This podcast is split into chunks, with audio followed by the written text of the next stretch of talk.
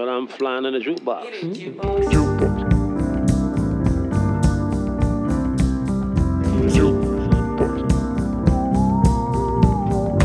Flying jukebox. Hej och välkomna till den flygande jukeboxen. En podd av, med och för musikälskare. Mitt namn är Patrik Stanelius och jag tänkte fråga er följande. Minns ni när ni hörde Sagor och Swing för första gången?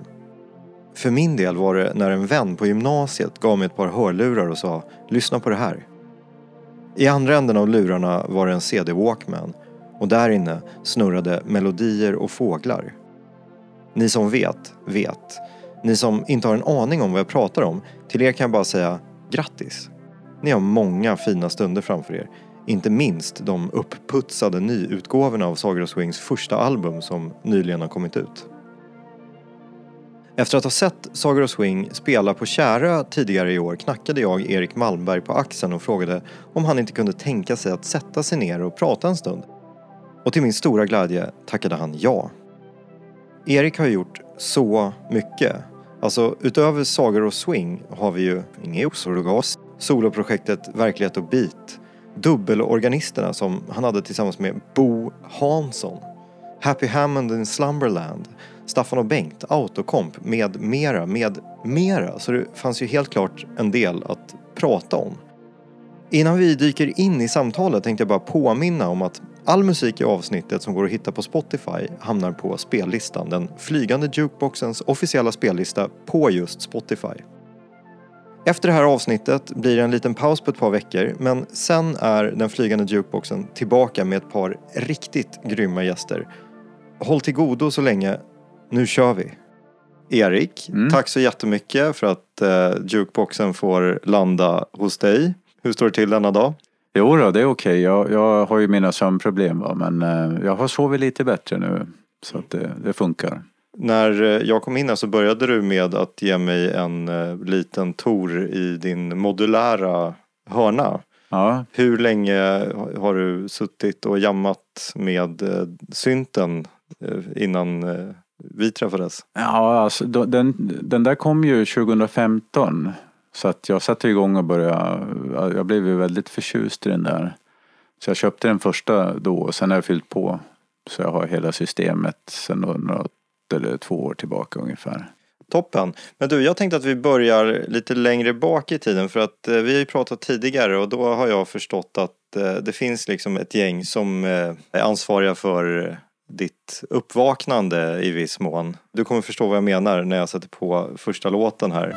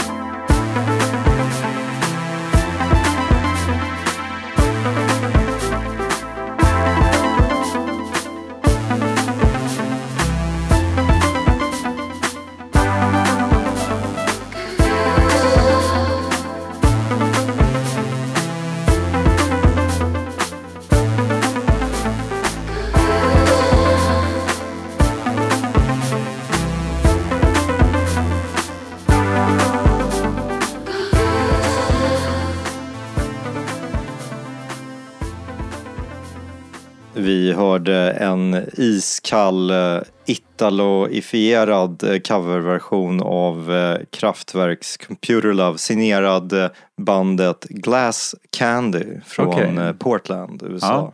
Vad säger puritanen inom dig? Ja, man blir ju glad. Jag valde den här låten som jag råkar veta att Kraftwerk är en av hörnstenarna i din musikaliska näringspyramid. Ja, absolut. Ja, berätta, hur började det för dig? Eh, ja, eh, nu ska vi se. Jag har ju sett dem. Jag kan ju nämna, jag såg dem faktiskt live eh, i Liverpool eh, 91. jag var och tågluffade med en kompis på Irland och så såg vi en, eh, alltså jag gillar ju dem innan och sådär men eh, det var ju en eh, ja, fantastisk konsertupplevelse. Det var på en sliten gammal teater i Liverpool. Så vi, vi, vi tog luff och så såg vi den där annonsen och eh, då begav vi oss dit naturligtvis. Och då, då kom de ju då med sin eh, The Mix. Och då körde de fortfarande med, de hade kan man säga en kommandobrygga då, sin klingklangstudio på scenen. Eh, Det där försvann ju sen. Sen har de ju kört med de här bara några fyra kontrollpaneler sådär. Och fyra Eh. skyltdockor i princip. Ja. Jag kommer ihåg att då var det, eh, då hade, var ju inte Wolfgang och Karl Bartos, Wolfgang Flur och Karl Bartos, de var inte med längre. Och så var det någon tjomme som, eh, han hette Fernando som var med. Men han var lite för glad, kommer jag ihåg. Han stod och spexade lite och, och, och sen gjorde han något, någon misstag, kommer jag ihåg, så att de fick inte igång eh, autobahn tror jag det var. Det, var, det liksom blev något fel där och jag kommer ihåg han fick verkligen onda ögat där av, av Florian.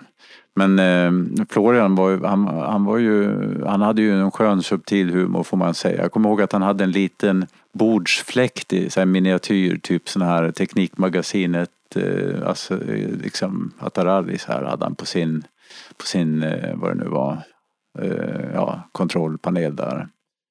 Så, och sen så när de körde Pocket Calculator så kommer jag ihåg att han eh, eh på solot så eh, ja, då, då, det var ju extra nummer då så ridån kom upp där. Då stod de längst framme på scenen och så hade de varsin Pocket Calculator.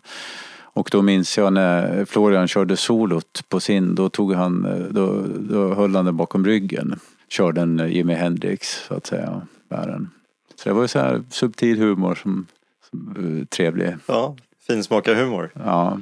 Vad eh, håller du som eh, Kraftwerks starkaste album eller era? Alltså det är en, en, inte jättelång tid som Ja. den bästa musiken gavs ut i, i, i mina öron. Men vad säger du själv? Ja, det finns så mycket där. Alltså, det var ju en otrolig skjuts på idéer och, och, och snygga ljud. Och det är ju liksom det är ju både konceptuellt eh, liksom eh, väldigt tilltalande och eh, tänkvärt om man säger. Men sen är det ju också så genomarbetat. Det är ju, det är ju väldigt snygga ljud alltså om du tar Man Machine och det är ju liksom Eh, ja, alltså det, det finns ju mycket från den tiden. Jag, jag har någon annan eh, sån här syntskiva eh, som jag gillar från 78.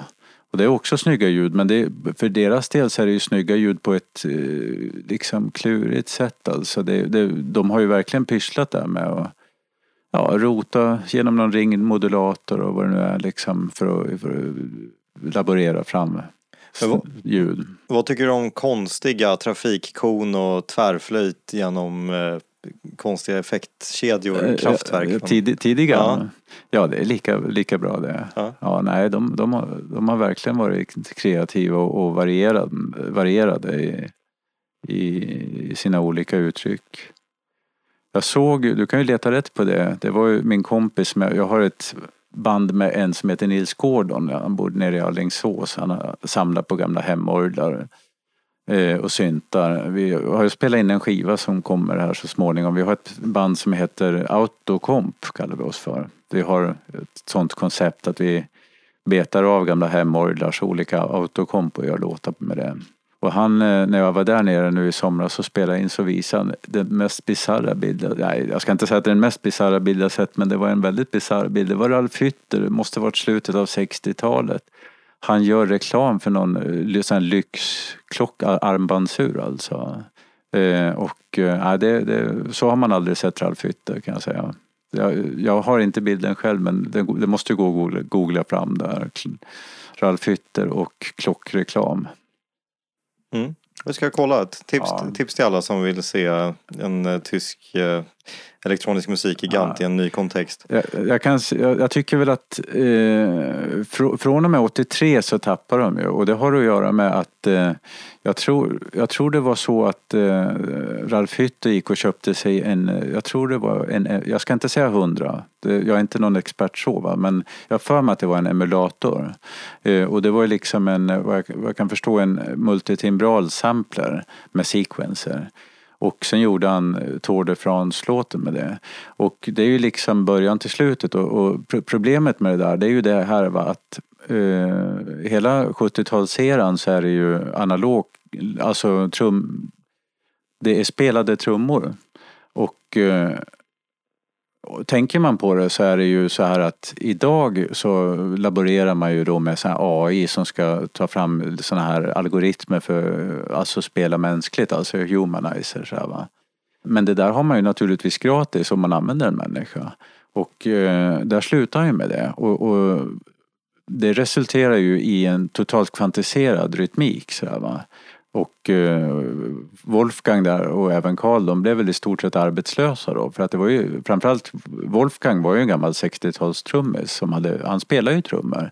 Det var hans idé, han, eh, det var när de gjorde den här Tans musik 73 så eh, drog han ju in då, det var, jag tror det var hans idé så då, att eh, istället för att köra vanliga trummor så att Eh, bygga en trumma då och kortsluta med en, eh, ja det är väl staniolfolie eller något sånt där. Och sen en pinne då som kortsluter och skickar en trigg då till en, eh, någon form av eh, synt som, eh, som på så sätt spelar ett trumljud.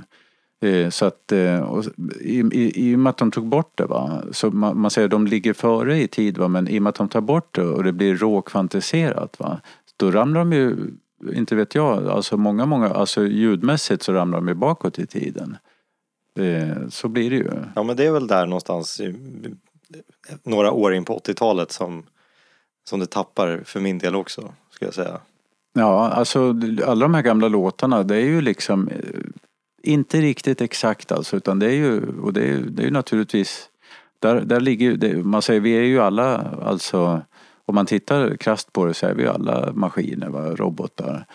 Eftersom det är elektricitet som styr våra hjärnor och uh, uh, när det gäller den typen av, av vari, variabler, alltså små glitchar, så ligger mänsklig, har ju mänskligheten, människan har ju legat före en slags granulatoreffekt så att säga. Fast en rytmisk granulatoreffekt som människan har kunnat... Alltså om du tar Eh, Europe Endless då är det ju samma... Det är liksom samma, samma... Det är ganska samma. Det är väl ett stackars fel på nio minuter och sånt där. Men det är ju inte riktigt exakt hela tiden. Du kan ju tänka dig samma Europe Endless, samma bara en sån monoton trumma fast eh, totalt kvantiserad alltså. Outhärdligt det skulle bli i nio minuter liksom. Nej men precis, det måste ju finnas någon grej och jag, det är kul att du nämner det för att jag tänkte faktiskt eh, nästa låt som jag spelar här prata om en grej som du har varit inne på tidigare nämligen eh, det cykliska. Mm.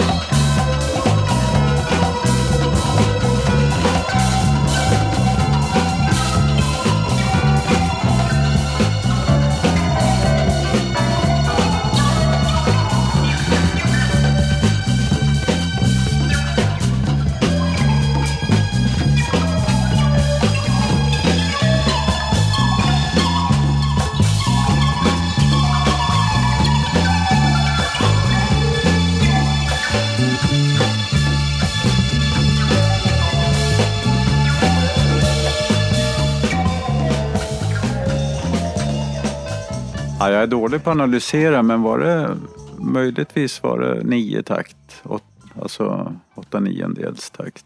Det, det är mycket möjligt. Jag tror att du är vassare på det där i alla fall än vad jag är. Det man kan säga är att den här basisten som spelar inte riktigt är lika disciplinerad som eh, du var när ni körde på Reimersholme hotell för ett tag Det är sedan. mycket svängigare. Alltså jag kör ju boogiebas alltså. Men det vi lyssnade på var den eh, spansk eh, kompositören Miguel Angel Fusters låt Polvo Lunar, Måndamm, som är skriven till en venezolansk film från 75 som heter Soy un criminal, en brottsling. Som verkar ha varit en riktig kioskvältare i Venezuela på 70-talet. Och det är från en samling med eh, venezolansk musik från just 70-talet som verkar ha varit en eh, guldera. Mm. för det landet. För det fanns massa pengar och massa studios och massa människor som gjorde musik. Mm. Ja, det blir man ju glad av tycker jag. Mm. Ja, jag, tror, jag ska inte säga hundra men det, var, det var, kan ju inte gärna vara exakt fyrtakt va? för att det, var, det hängde sig lite om man säger, det var en liten glitch där. Så att, men eh, ja, jag vet inte, jag är inte jättebra på det där va? men eh, det, det, det drar åt någonting något sånt att man har smugit in en liten, eh, en liten extra åttondel på en fyra. Ja. Erik, har du någon eh, misstanke om varför jag valde det här stycket? Vad det är jag fiskar efter?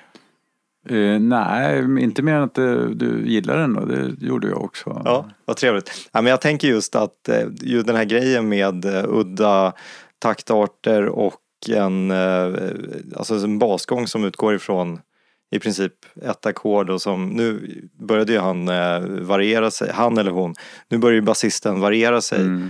efter ett tag. Men eh, jag känner att det finns ett släktskap här mellan eh, Fosters musik och det ni gjorde med Sagor och Swing senast jag hörde er spela. Ja, absolut. Det håller jag med om. Vi kör ju mycket, det ju, har ju blivit så. Vi har roats av det på senare tid. Vi håller på ganska mycket att experimentera med eh, olika takter. Så det blir mycket femtakt har det blivit. Det, det, har vi, det, är, väl- det är väl det vi känner oss säkrast på. Men eh, sen håller vi på så att vi körde någon låt i elva takt också. Och eh, ja, vi går på allt möjligt. Vi har nog spelat igenom hela, eh, alltså till slut så blir det ju nästan i stort sett, alltså när man kommer upp till eh, om man säger 13-14 takter blir det som potpurri på flera takter. Men eh, ja, vi har ju vi har gått igenom alltihop där. Det är ju, Ulf är ju väldigt eh, rolig att han, eh, han förstår ju snabbt så här så att när, alltså han kan ju Ulf Möller, trummis. Ja, ja han, kan, han kan spela vilka takter som helst, det, det skulle jag vilja påstå. Eh, så vi har ju varit på, ja, alla de här, sju takter är ju sån här turkisk specialitet. Och det är ju, ja, jag har suttit här innan du kom här idag och latchat med sju takt. Det, det är ju skoj. Jag vet att det var, jag pratade, det finns en snubbe, han var med lite till och från i, i Kebnekaise som heter Pelle Lindström som jag känner väldigt väl. Jag har spelat en massa med för att jag har bott uppe i Leksand. Och han, han säger ju det att det är ju, sjutakten är ju, det är ju det, det är ju liksom den svenska polskan har också egentligen en inbyggd sjutakt. Ja, om man ska imitera han så då, ja, när jag berättar det då, ja du vet att, du vet att du vet att det där det är ju, det är ju, du vet att det är ju, det spelar ju svenskarna också vet du, det är ju polskan, det är ju sjutakter vet du. Och så, det är alltid det där liksom. Men sitter du då med eh, din metronom inställd på 9-11 takt och bara nöter och nöter eller kommer det naturligt när ni repar? Ja, jag ja, jag, ja, för min del, jag har ju kan man säga ett återkommande system när jag utforskar takter. Och det ut, då, då kör jag med det. Alltså, jag spelar ju mycket då folkmusik med den här Paula Testad. Hon är ju riksspelman på fiol och hon beskrev ju det där eh, liksom att Eh, hon beskrev också, hon räknar inte. Hon räknar, hon vet inte, med henne är det sådär, hon, man kan, hon vet inte eh, liksom vad det är för nummer på var hon är utan det, för henne är det bara ett hjul alltså och det hjulet är ju då lite oregelbundet. Va? Hon be, beskriver rytmik, polskan som en eh, jag vet inte om du kommer ihåg, det var i, i, när det var sån här vignett till Teknisk magasin. Då var det så här kugghjul som var ovala som snurrade. Så, så beskrev hon polskan. Och eh, det,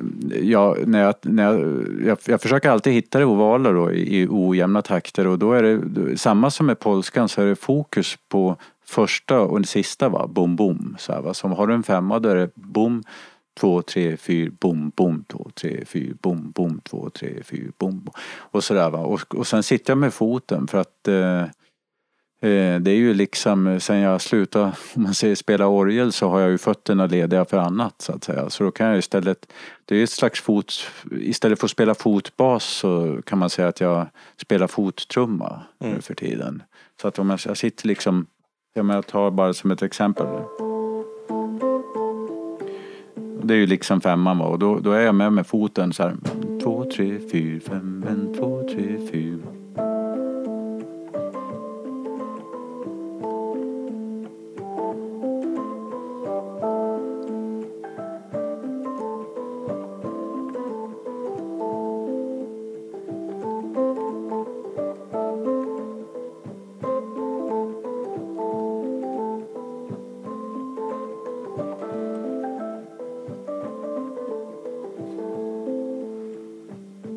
Sådär något åt det hållet. Sitter man sådär och nöter med foten så att det är ju liksom eh, Ja, man, det, man spelar trumma med foten och det, det är ju, jag vet Paula där, hon, eh, hon bankar ju, när hon spelar fiol så bankar hon med foten så grannarna börjar klaga till slut. Så att det är ju liksom, det vet jag många folkmusiker som gör. Alltså det är bra att ha foten med sig, verkligen. Mm.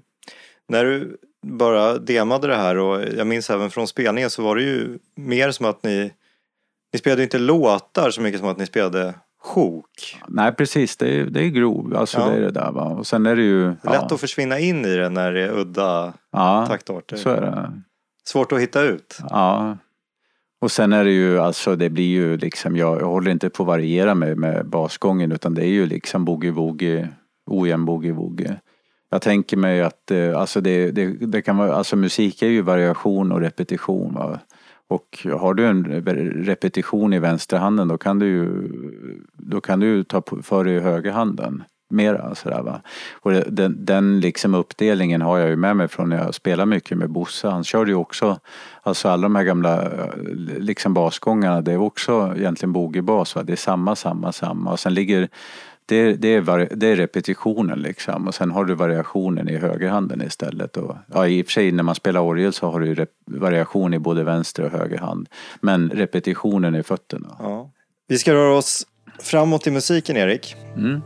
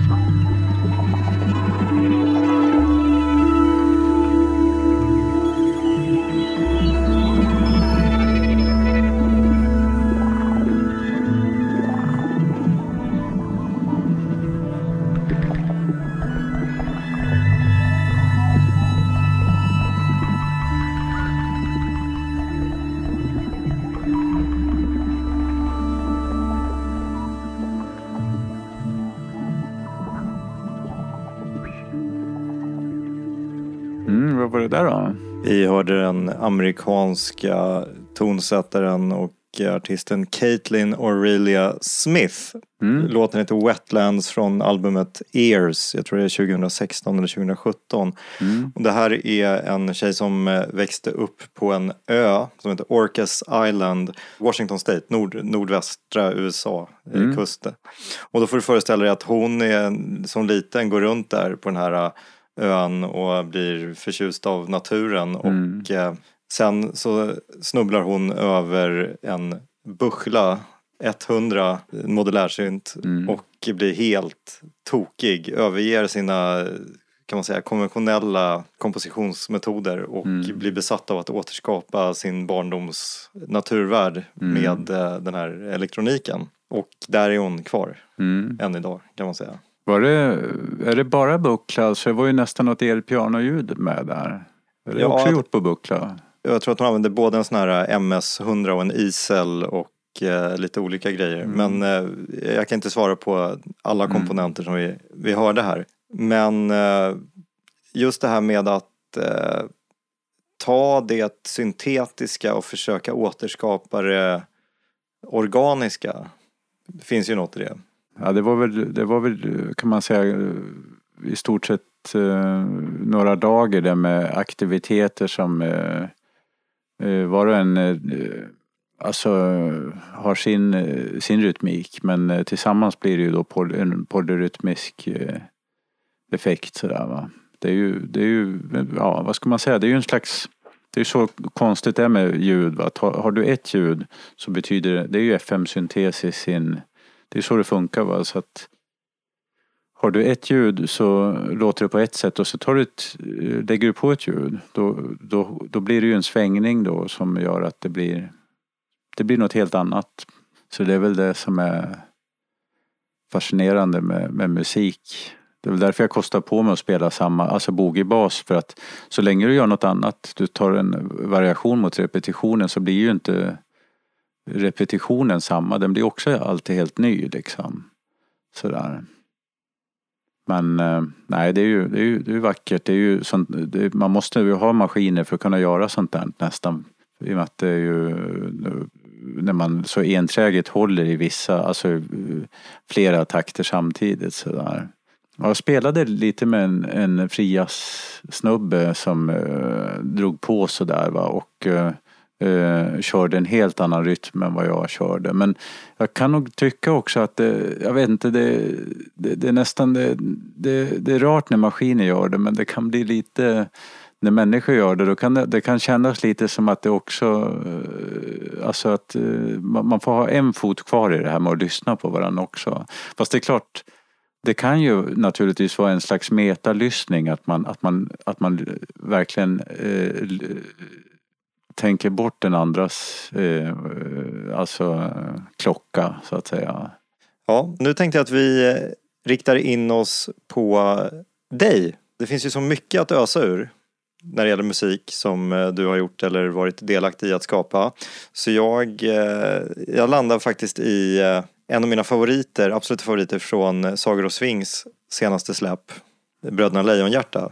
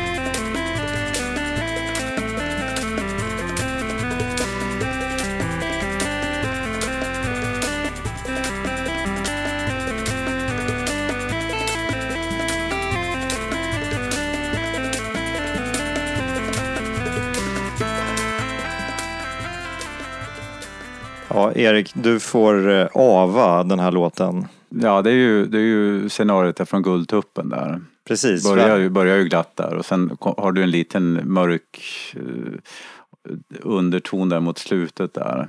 Värdshuset Guldtuppen Ja. från eh, Sagor och Sving, musikinspirerad av Bröderna Lejonhjärta. Och jag sa ju er i plural där, men eh, Mm. det, det är ju lite luddigt alltså för att eh, det är ju ditt alias, men när du framför musiken live så gör du det ju i sällskap med antingen Ulf Möller eller Fredrik Björling. Ja visst.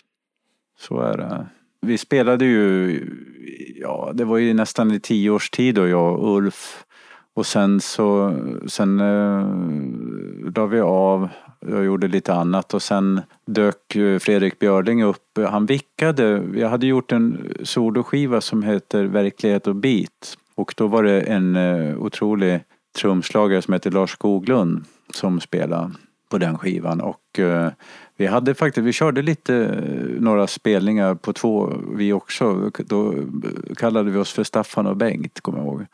Men eh, sen så, så hade, vi, hade vi lite spelningar där då med, med Verklighet och bitar med det var Johan Bertling på bas och Goran Kaifes på blås och lite synt och lite andra eh, som var med. Eh, och, så, och Skoglund då, men sen kunde inte han så att då, då, då dök, jag tror det var Bertling som introducerade Björling där på som eh, vikarie där på någon spelning så att då började vi lira och eh, det funkar ju bra. Och eh, sen så gick det några år och sen eh, började jag och Ulf spela igen.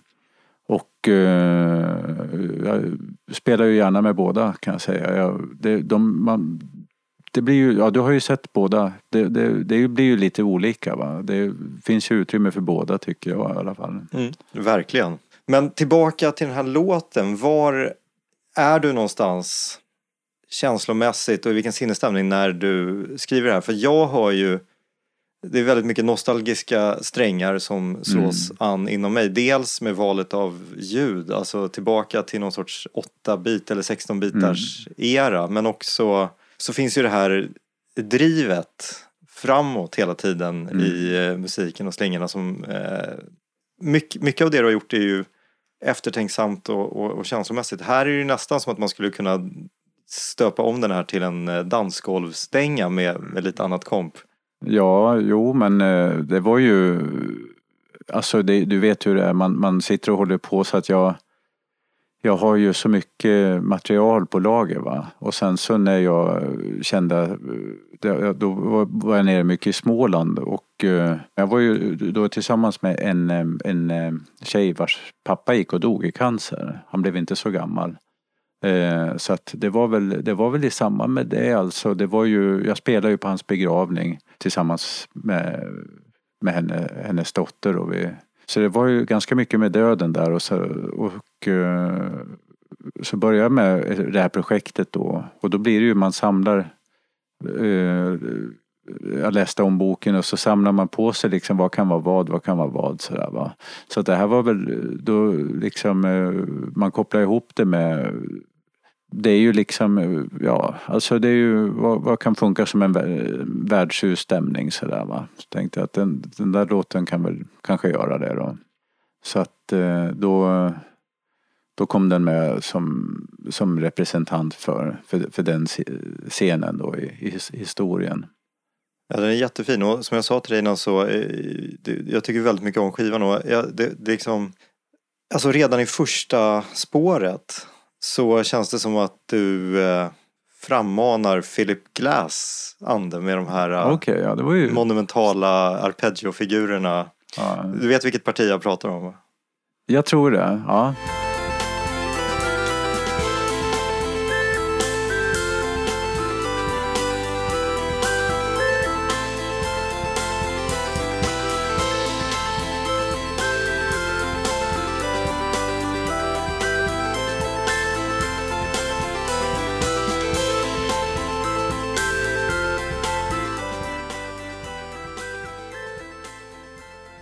Men det tror jag nog att man kan säga att vi har nog samma, lite samma eh, vurm för en viss typ av eh, liksom eh, jag kan säga när, när, när det gäller hela Sagor och svingproduktionen så har det ju varit en slags vurm för eh, egentligen att att frossa i nästan övermelodiska klanger liksom att man eh, Alltså om, om jag, jag har ju hållit på med serier så här va och eh, tecknat serier innan jag ganska mycket innan jag började med musik och eh, läst mycket serier och sådär. Och eh, en serie som jag gillar väldigt mycket det är ju Tintin naturligtvis.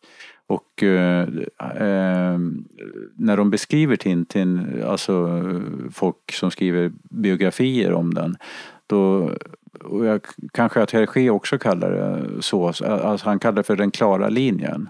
Och det har jag haft som signum med, med sagor och swingmusiken också att hitta liksom eh, någonting som är så rent och klart som möjligt så att säga. Det ska inte vara någonting som grusar. Och det, att, liksom, det blir väl så. Det är, ett, ett arpeggion är ju liksom så. Det, man vet vad, det är väldigt tydligt. Så att säga. Det hakar i, var, varje, varje moment i ett arpeggion hakar i det, det föregående. Och nästa hakar ju också i. Så att gemensamt blir det ju som en eh, eh, ja, ett urverk sådär. Så där har du ju något, eh, alltså så, så har det nog varit med musik för min del att jag har när det gäller harmonier så har jag sökt mig till, till, till det rena. Så här, va? Och sen på senare tid så har jag ju sökt mig till ojämnheter mera i rytmiken. Så att säga.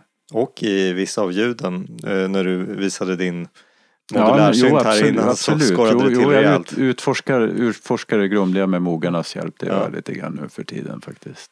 Men då för att, för att knyta ihop säcken här kring Bröderna Lejonhjärta så är jag nyfiken för det är en eh, skiva, eh, förstår jag nu, som är sprungen ur eh, högst personliga upplevelser. Ja. Hur är det då att höra den här musiken nu? Är det, no, är det någonting som du själv lyssnar på eller har du, du gjorde den, den gavs ut och nu har du lagt den åt sidan? Ja, just nu håller jag ju på med, med, med annat så att jag har ju inte, jag har ju öronen fullt med annat men eh, men eh, ja, det, ibland lyssnar man tillbaka Mm. på gamla grejer. Nu ska vi gå in på en eh, annan aspekt av ditt skapande som jag är lite nyfiken på och det tänkte jag illustrera med hjälp av den här och jag kommer hoppa fram lite så vi kommer komma mitt i en eh, komposition här.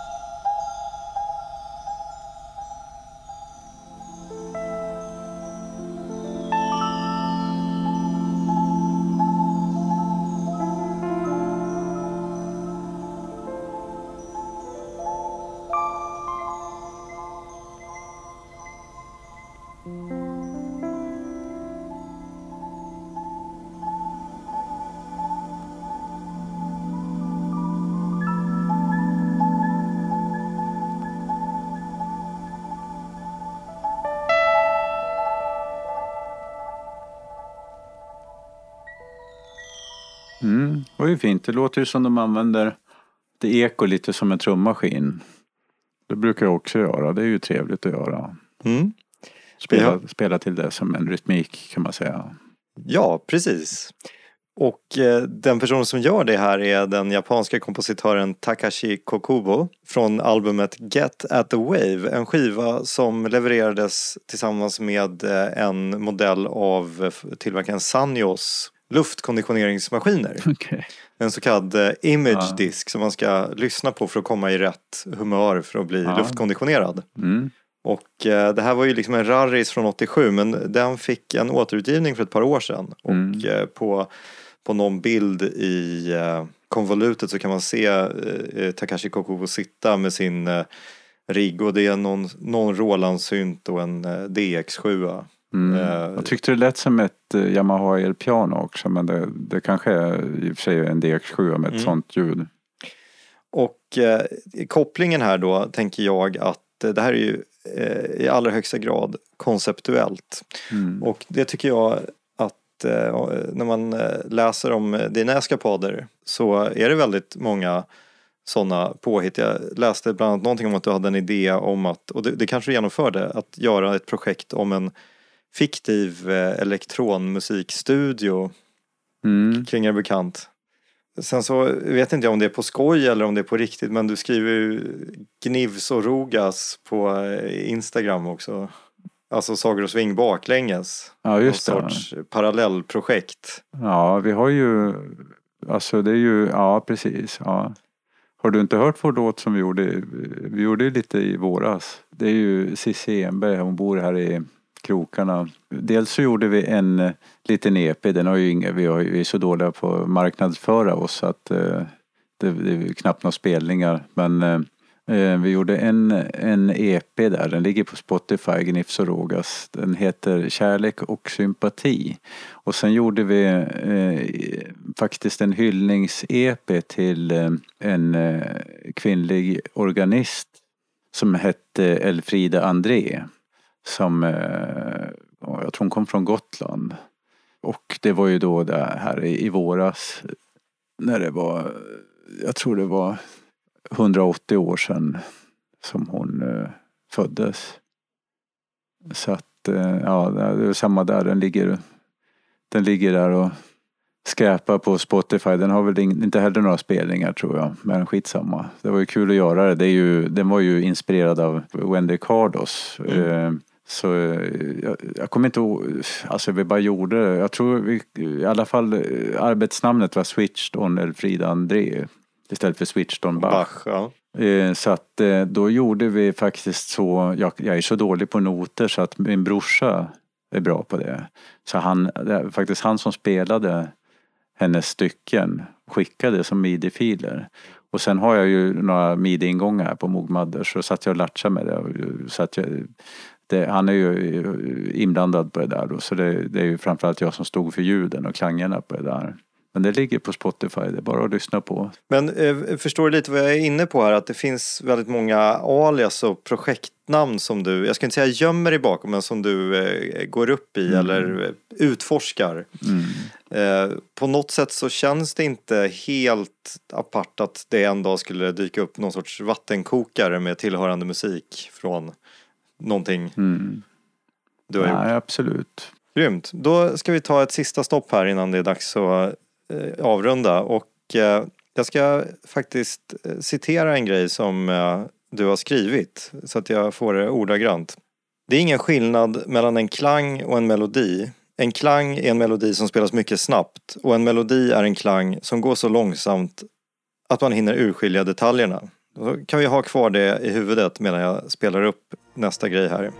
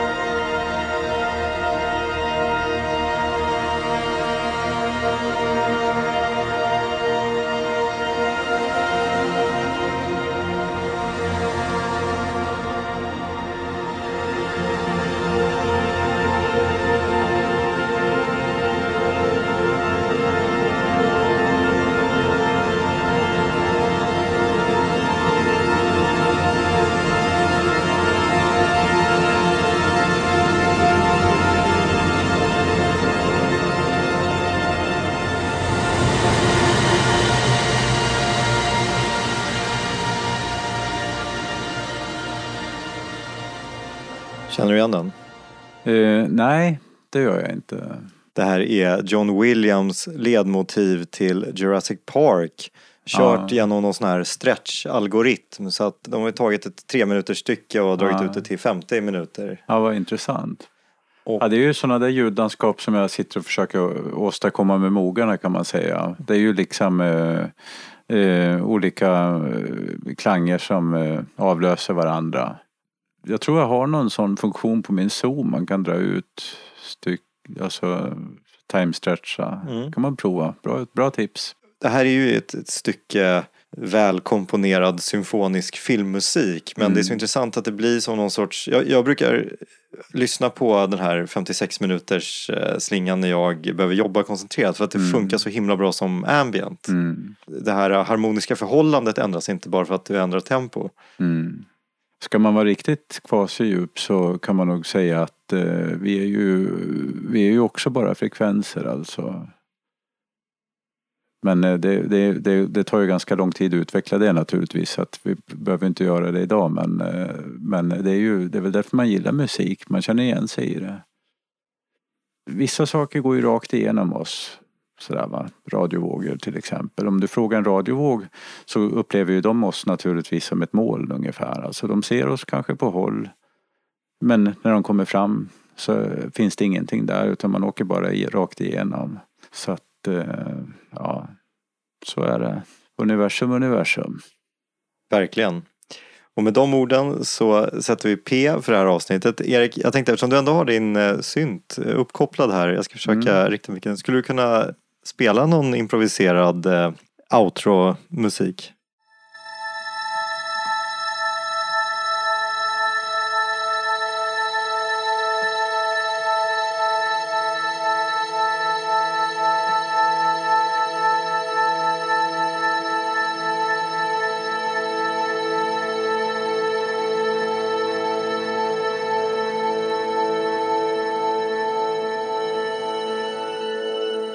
Tusen tack för att du ville vara med, Erik. Tack själv. Det var jättetrevligt.